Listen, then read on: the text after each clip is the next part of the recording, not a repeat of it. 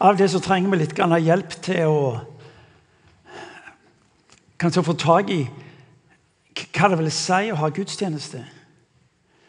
Ehm, for gudstjeneste, det å få lov til å gi tilbake, eh, gi takken og tilbedelsen tilbake til han som har sagt at eh, 'Jeg har tatt din plass for at du skal få min plass'. Evangeliet er dette ubegripelig at Gud kommer menneskemøte og selger meg for å ta din plass, så skal du få min plass. Det er evangeliet, folkens.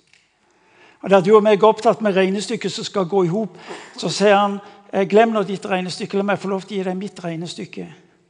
Og regnestykket er ikke en sum av ting som han har gjort, eller eh, han ber deg om å gjøre, men han, eh, han bringer inn liv.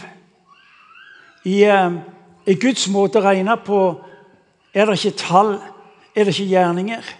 Men når Gud handler inn i denne verden, så handler det inn med liv. Et liv som er nærværende. Et liv som blir værende når alt tilsier Gud Jeg holder ikke mål. Jeg burde vært annerledes. Og så, og så sier han at eh, hvis vi opererer med regnestykker, så er du diskvalifisert. Men hvis jeg kan få lov til å være nær deg med mitt liv, så blir det stående.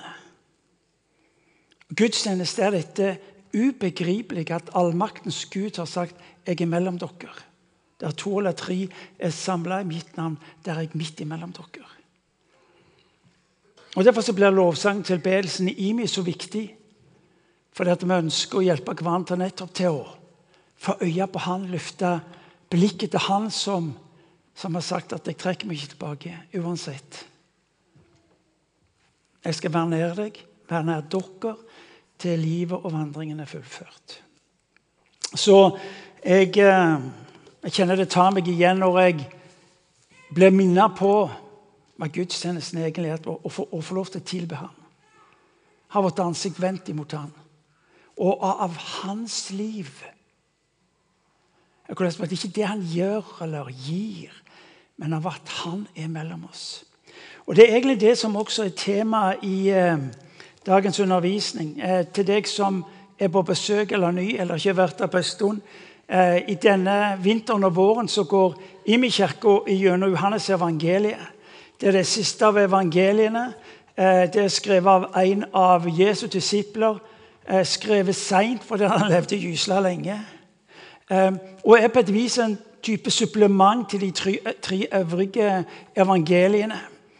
De tre første er rimelig like, og så blir Johannes evangeliet en type supplement til de øvrige tre Eh, for at vi skal få et bilde av når, eh, når Johannes kommuniserer evangeliet til hedninge kristne, til de som ikke er kjent med jødisk eh, kultur og tro og tradisjon. Eh, vi går inn i kapittel 6 i dag. Eh, og bare La meg hente opp litt fra kapittel 5, fordi det, skjer noe uhyre interessant. Eh, det, som, det, som, er noe av For meg har blitt Kjennetegnet på, på Johannes evangeliet det er på den ene sida ordet. Ordet blei kjød. Når Gud handler inn i denne verden, leser vi fra tidenes morgen, så skjer det ved et skapende ord. Og når eh, Johannes evangeliet skal introdusere eh, den nye tida med Jesus Kristus, så er det igjen ordet som er i sentrum. Ordet ble kjøtt. Ordet ble kjøtt, og det tok bolig blant oss. Det flytta inn i nabolaget, står det i en eh, engelsk oversettelse. Så når du leser Johannes evangeliet, så er det ikke bare eh, ord du får øye på, men det er ord som er liv. Fordi ordene representerer Han som ordet som Kristus, som Kristus som ordet. Og en har sagt det slik at Bibelen er ikke primært gitt oss til informasjon. Bibelen er gitt oss til transformasjon, til forvandling. Ja, Hvordan er det mulig? Jo, fordi at ordet er ikke bare ord. Ordet er Kristus. Og Når du leser og tar inn ordet, så tar du egentlig inn mer av hvem denne Kristus er og vil være i ditt liv. Og så leser vi gjennom Johannes evangeliet, hvordan han tar oss inn i type møtepunkter hvor hans herlighet blir eh, eksponert Igjen igjen så leser du om hvordan Jesus eh, bretter ut Guds herlighet slik den er synliggjort for mennesker ved Jesus sitt liv. Og så kanskje det som jeg merker tar meg for tida, det, det er Jesu vektlegging gjennom Johannes evangeliet. At hans vandring, hans tjeneste, har ett mål. Det å hjelpe folk til å få øye på Gud som far. Jeg er veien, sannheten og livet, sier Jesus. Ingen kommer til Faderen uten gjennom meg. Jesus har et mål med alt han holder på med, til at folk skal få øye på Gud som far. Og i det ligger der gjenopprettelsen av det som en gang ble ødelagt. Av det som en gang lå på Guds eh, fars hjerte fra tidenes begynnelse. Fra evighetens begynnelse, som ikke har noen begynnelse. Så er det gjenopprettelsen. Ved alt det Jesus holder på med, så er det at mennesker skal tas inn i denne relasjonen med Gud som far. La oss gå tilbake til kapittel 5. Eh, fordi Det er en viss parallellitet i det til kapittel 6 som jeg eh, merker fascinerer meg. Kapittel 5 i Johannes evangeliet, som dere hørte sist søndag, gå inn og hente fram fra, fra Ellings undervisning. Eh, hvor de møter undergjerningene. Hvor de møter Guds kraftige nedslag. Og så blir de tatt av det de ser og det de opplever og erfarer. Men så begynner de å stille spørsmål hvem Jesus er, og hvorfor han opptrer som han gjør. Og så møter du hos Jesus en måte å kommunisere på som forvirrer. Fordi han nekter å la seg putte i en boks. Han nekter å la seg bli forstått på menneskelige premisser. Hvordan kan det ha seg at du gjør det du gjør? Og så sier han i kapittel 5, vers 19.: Sannelig, sannelig, jeg sier dere, sønnen kan ikke gjøre noe av seg selv, men bare det han ser sin far gjør. Det far gjør, det gjør også sønnen.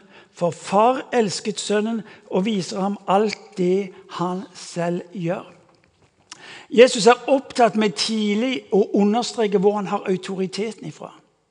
Han sier at sønnen kan gjøre noe annet enn det han ser far gjør. Og så får du øye på relasjon. Det er ikke bare en sånn en mission eh, into the world eh, når Jesus opptrer på, på verdens arena. Det er en sammenheng, det er en relasjon mellom far og sønn. Og sønnen sier, 'Jeg gjør ikke noe annet enn det jeg ser far gjør.' Jeg gjør ikke noe annet enn det jeg hører min far si. Og så er det det som er veien og livet mitt videre. Og så er det egentlig noe av det samme som skjer i kapittel 6. Igjen er det utgangspunktet under tegn og mirakler. Det er fra i begynnelsen av kapittel 6. leser vi om Jesus som møtte de 5000. Litt senere i kapittel 6 så møter vi Jesus som går på vannet og utfordrer naturkreftene. Igjen fra mirakler, som vi så i kapittel 5, til undervisning. Og Nå tas vi inn i det som kalles for lærestoff. Det som ligger bak det ytre. Og I dag blir det litt av lærestoffet, folkens. Fordi at Hvis vi ikke får tak i det som ligger bak det ytre, så blir vår tillit og trygghet og trøst nettopp det ytre. Vi er nødt til å se eh, hva det som ligger bak det vi opplever, det vi ser av helbredelser og lignende. Hensikten med det som skjer. Miraklene er som tegn, sier Bibelen. De peker mot, de har en retning, nemlig Jesus. Fra gaven til giveren. Ikke bare bli elska uttrykt ved gavene, men leve sammen med han som elsker. En gang til. Ikke bare bli elska uttrykt ved gaver, men leve sammen med Han som elsker. Under, tegn, tegn og miraklene har et mål. Det dras til Kristus. Slik at vår trygghet og vår tillit ikke er i det ytre, men det er Han. Og Det er så avgjørende viktig for oss å få lov til å kjenne og hvile det, ikke minst i en menighet som er frimodige på å forkynne og leve i og praktisere det som er av eh, dimensjonen Guds rike, undertegne mirakler. Nå sier jeg ikke at vi skal nedvurdere miraklene, undergjerningene, eh, helbredelsene. Men de skal overordna få lov til å peke på denne Kristus. For i Han får lov til å knytte oss til det som er stabilt. Det interessante er at målgruppa nå er etterfølgerne. De som tror på Jesus. De som kalles for disipler. De som har erfart hvem han er. De har tillit til han, de er begeistra for han.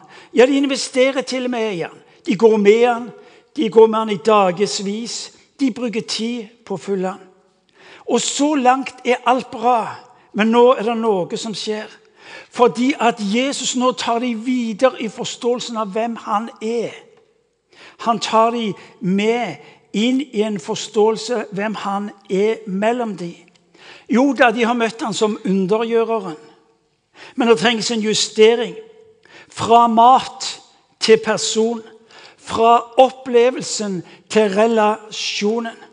Han peker i vers 6, 26, det som er styringsfaktoren i menneskets liv, nemlig magen. Han sier i vers 26.: Sannelig, sannelig, jeg sier dere, dere leter ikke etter meg fordi dere har sett tegn, men fordi dere spiste av brødene og ble mette. Han peker på styringsfaktoren i menneskets liv, nemlig magen. Faktum er for meg dette etter syndefallet er mennesket umettelige i sine behov. Og i, materialistisk, eh, i et materialistisk samfunn så blir magen vår større og større.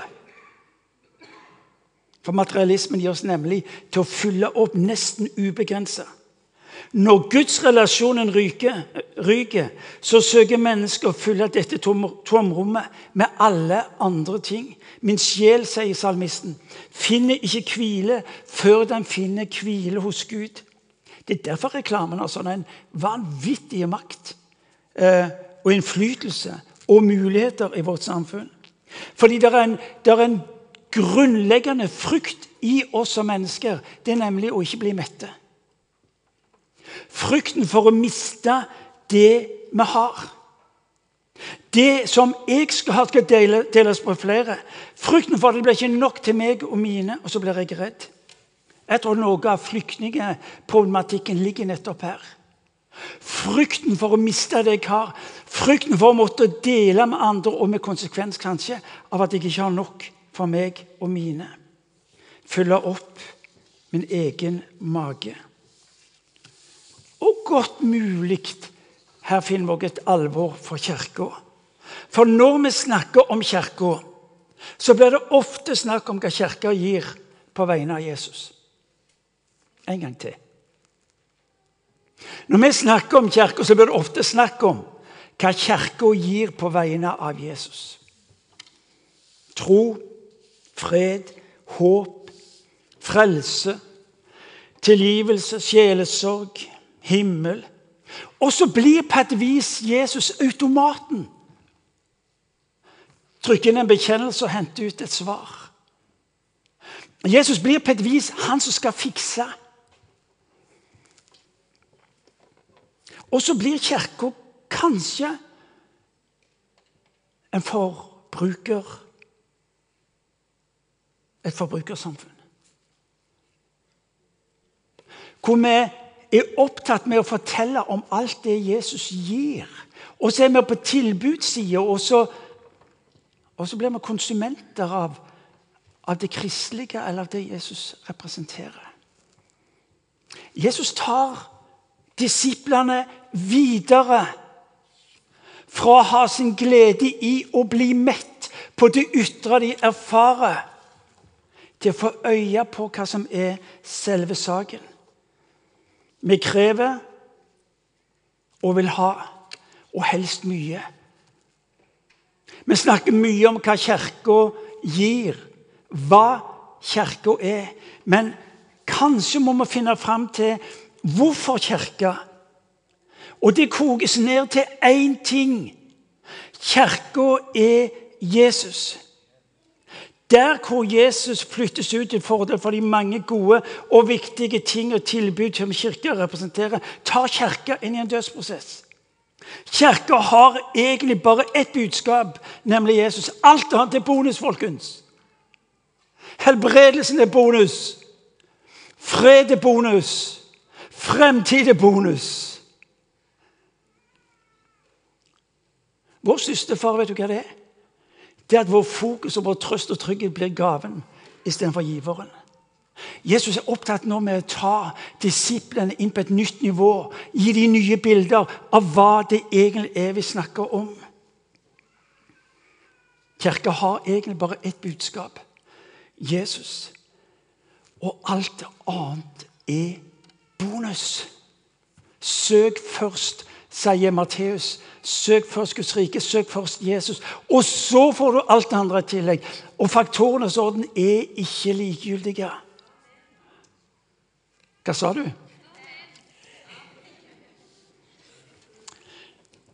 For så høyt har Gud elska verden at han gir fred, at han gir håp, at han gir helbredelse.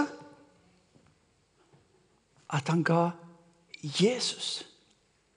Og ut ifra det får du og meg del i Guds rike med alt det det representerer. Arbeid ikke for den mat som går, sier Jesus videre i kapittel 6, i vers 27. Arbeid ikke for den mat som forgår, men for den mat som består og gir evig liv, den som menneskesønnen vil gi dere. For på ham har Far Gud selv satt sitt seil. Arbeid ikke Jesus sier, 'Hør nå, la meg få lov til å gi dere et fornya fokus'. Ikke på det som forgår, som har sin tid, og som representerer viktige og verdifulle ting. Det, beste, nei, det gode kan bli det bestes verste fiende. Men fokuser på den mat som ikke forgår. Fokuser på meg. Og ved det, du, og ved det har det du trenger for tid og evighet. Jesus bruker bilder av seg sjøl som mat. Jesus bruker bilder av seg sjøl som mat. Han gir seg sjøl. Og så prøver de, og det er vår utfordring og igjen så sier jeg hør. Og så prøver de å forstå Jesus i lys av tradisjonen. I, eh, fra vers 32 til 35 så prøver de å forstå det Jesus sier. De sier eh, Jesus sier, 'Sannelig, sannelig, jeg sier dere, Moses ga dere ikke brød fra himmelen.' 'Det er min far som gir dere det sanne brød fra himmelen.' Guds brød er det brød som kommer ned fra himmelen og gir verden liv. Da sa de til ham, 'Herre, gi oss alltid dette brødet.' Jesus svarte, 'Jeg er livets brød. Den som kommer til meg, skal ikke hungre.' 'Og den som tror på meg, skal aldri tørste.' De ber om å få mer av dette brødet. Hvorfor? For da slipper de å bli sultne på nytt. Husker du beretningene fra kapittel 4 om damer som sitter ved brønnen, som er avslørt, og Jesus snakker om det levende vannet, Og, og, hun sier 'la meg få dette vannet, for da slipper jeg'. Da kan jeg leve i underet, i miraklet, og ha nok med det.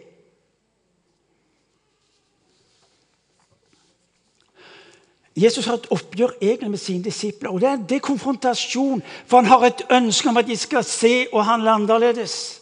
De gikk for maten, og så fikk de ikke øye på Jesus. De gikk for maten, de gikk for undrene, tegner, miraklene. Og så fikk de ikke øye på ham. Jeg elsker formuleringen.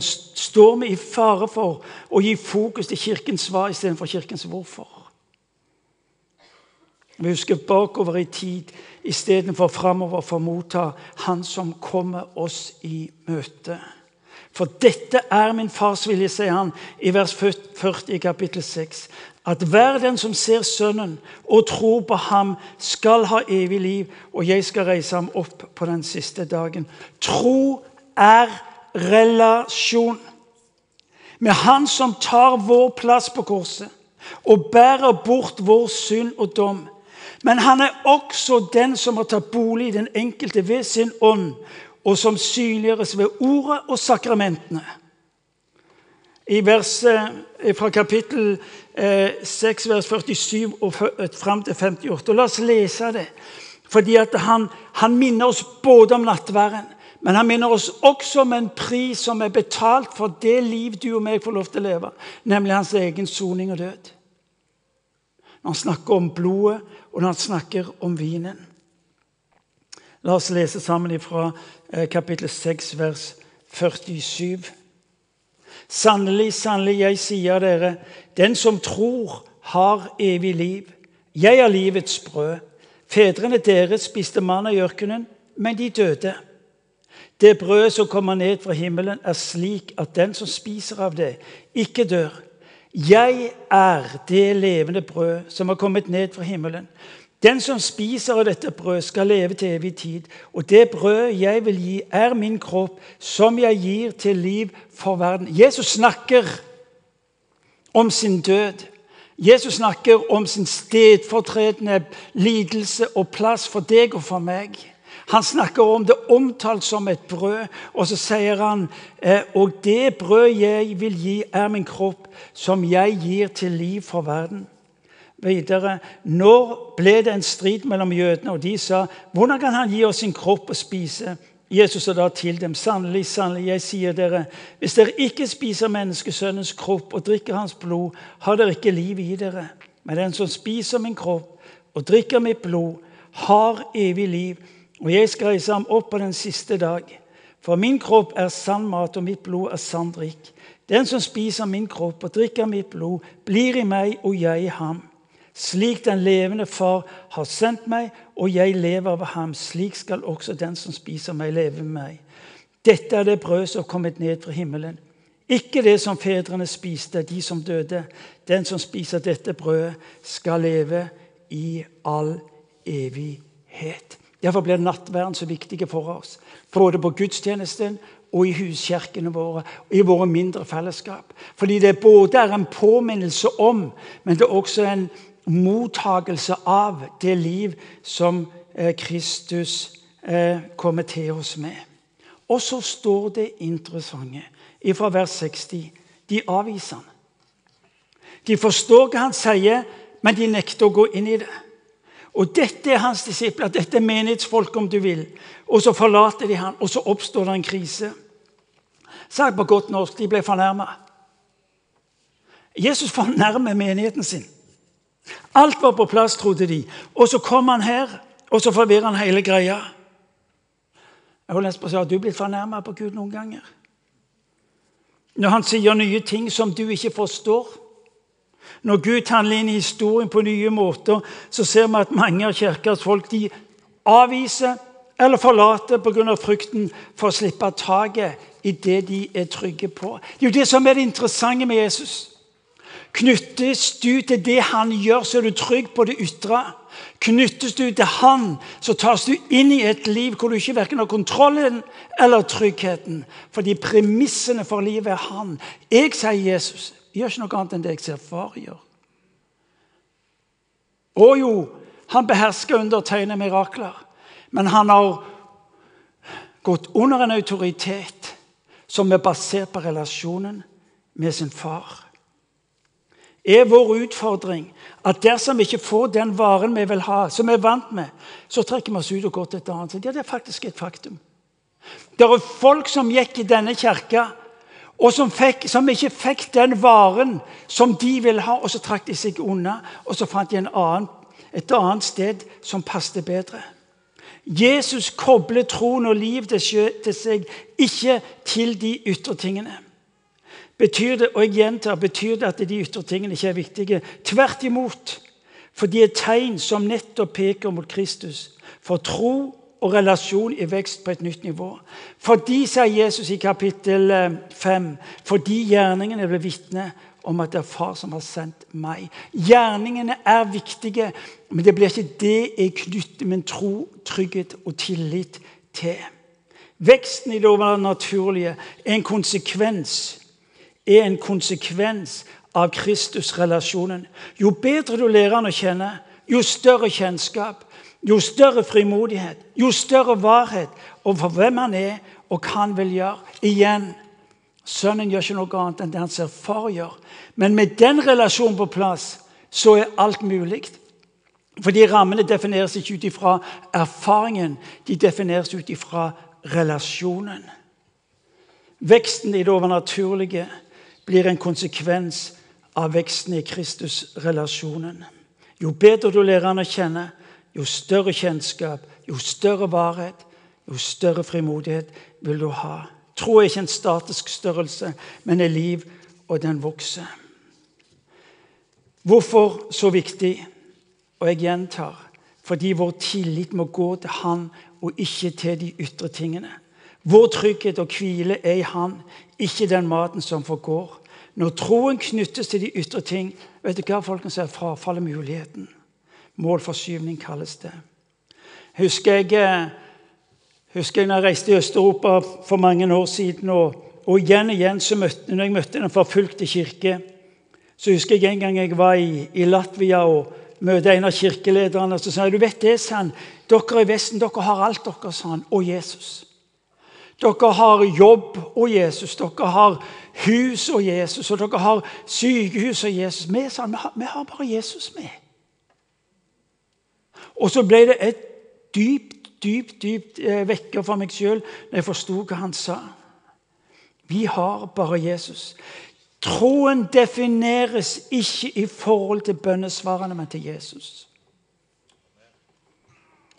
Troen defineres ikke i forhold til bønnesvarene, men til Jesus. For det er tider hvor vi ikke ser ting skje rundt oss. Når lite skjer, når vi ser i det ytre etter bekreftelser, har vanskelig for å tro tilgivelsen, da sier Guds ord, se på meg. Jesus er opptatt med å ta dem fra tryggheten og vektleggingen av det ytre til å kjenne hvilen ved å være en del av hvem han er.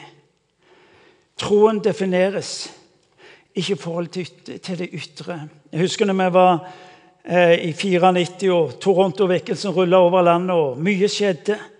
Og Så var det en setning som kom fram, og det var eh, hvor, Hvorfor gjør du det på denne måten? For noen av oss opplevde at det var veldig sært. Og så var det en som sa Gud gjør det for to offend the mind, to reveal the heart. Å fornærme tanken for å åpenbare hva som var i hjertet. Toronto-bevegelsens budskap det var nemlig Faderens kjærlighet. Men det var så mange som ikke oppdaget det pga. støyen. Det ukjente og det uvante.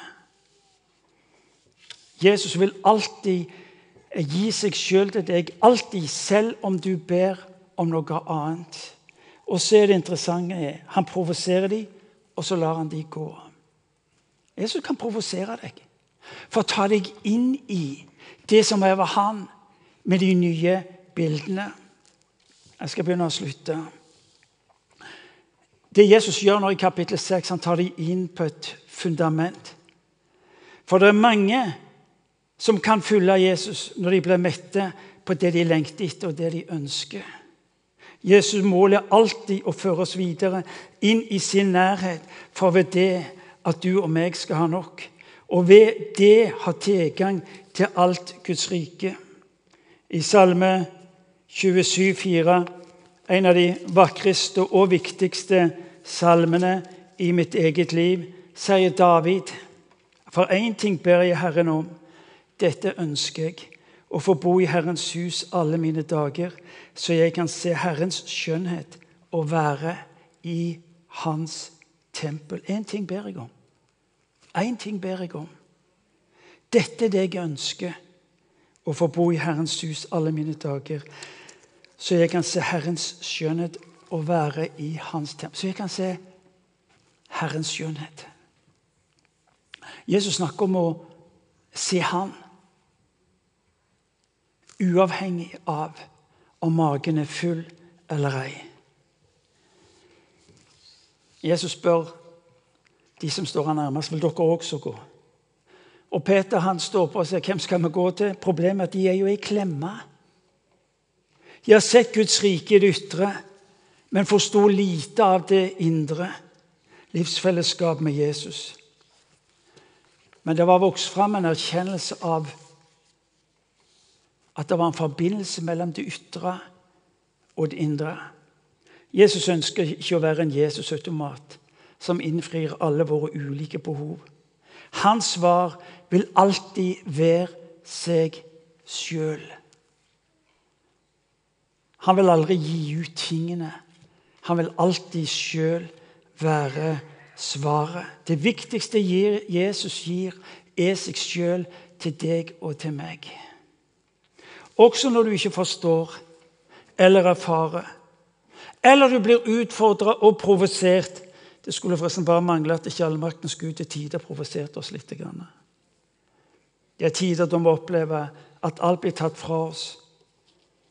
Vi ikke forstår eller har kontroll på situasjonen, hvor de ytre og indre forhold ikke er på plass. Disiplene ble værende, selv om de ikke forsto hva han sa. Du og meg òg inviteres til å bli værende i etterfølgelsen, selv om vi ikke forstår alt som blir sagt eller som blir gjort. Fordi vårt fokus og vår forankring er ikke de ytre tingene, men det er Han, Kristus sjøl. Relasjonen med Jesus. Da får du også, som disiplene opplevde, leve ut det Guds rike liv han vant i på korset. For å stå opp med han sammen påskemorgen. I Markus kapittel 9, eh, vers 2 leser vi beretningen om eh, disiplene som får være med på litt av en opplevelse. Det er Jesus som har tatt med seg eh, Peter, Jakob og Johannes. Han førte dem opp et høyt fjell hvor de var alene. Der ble han forvandla for øynene på dem.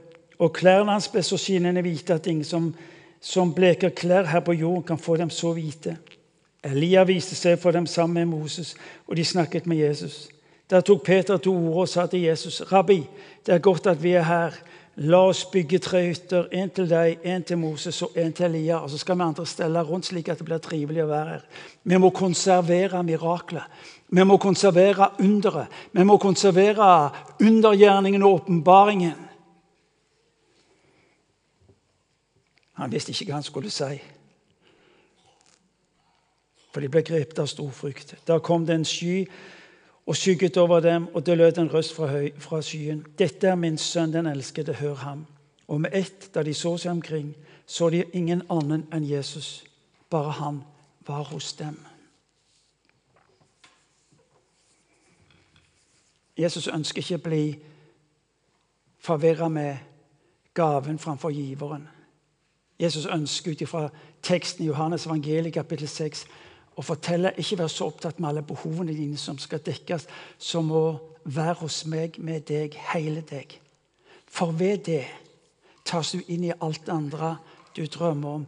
Ved det vil du også ha den plattformen i livet ditt som står selv når mørket blir for mørkt. Selv når eh, stillheten og tausheten blir for sterk. Selv når de ytre omstendigheter ikke går den veien du skulle tro. Så sier han så kan ikke mørket gjøre det for mørkt for meg. Det står om Peter, Jakob og Johannes midt i den store åpenbaring. Midt i det store miraklet som de ønsker å ta så vare på. Sendte de opp med å se at det var Jesus alene som står igjen og så ble den bærende. La oss be. Kjære Herre Jesus Kristus, jeg takker deg fordi du kommer oss i møte som den som ikke ønsker å være en leverandør av et eller annet religiøst liv. Takk, Jesus, fordi at eh, ditt svar på menneskets behov er deg sjøl.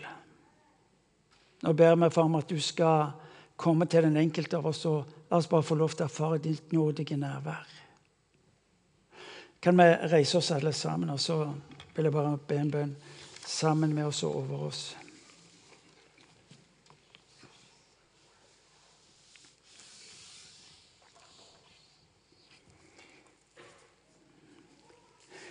Jeg vet ikke hva situasjonen du er i med ditt liv.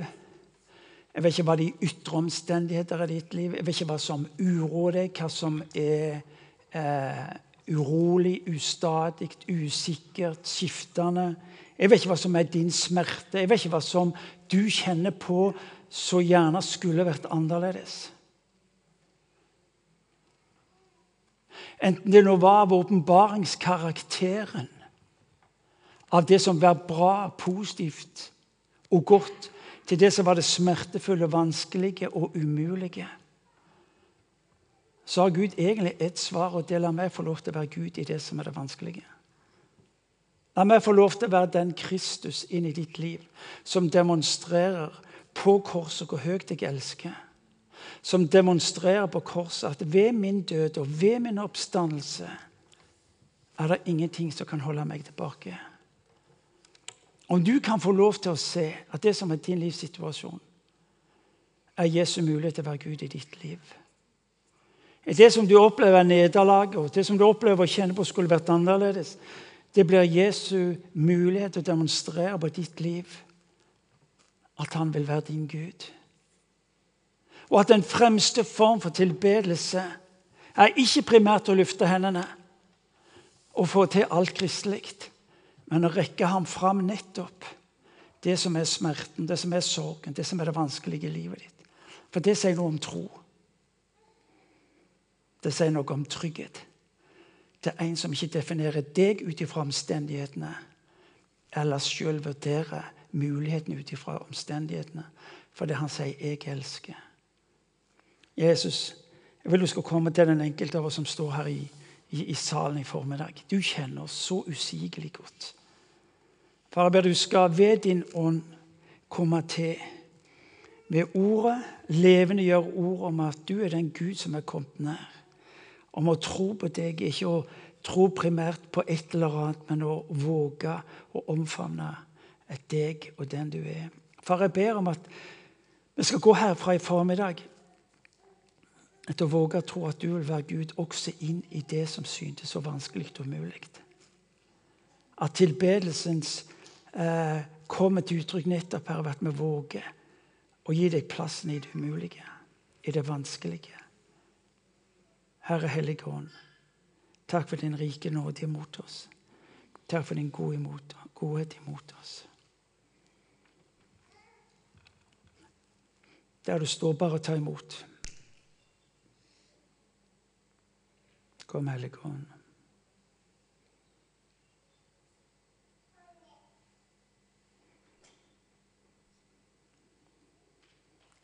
Takk, Hellige Ånd, fordi du viser oss Jesus, som jeg kan se Far. Amen.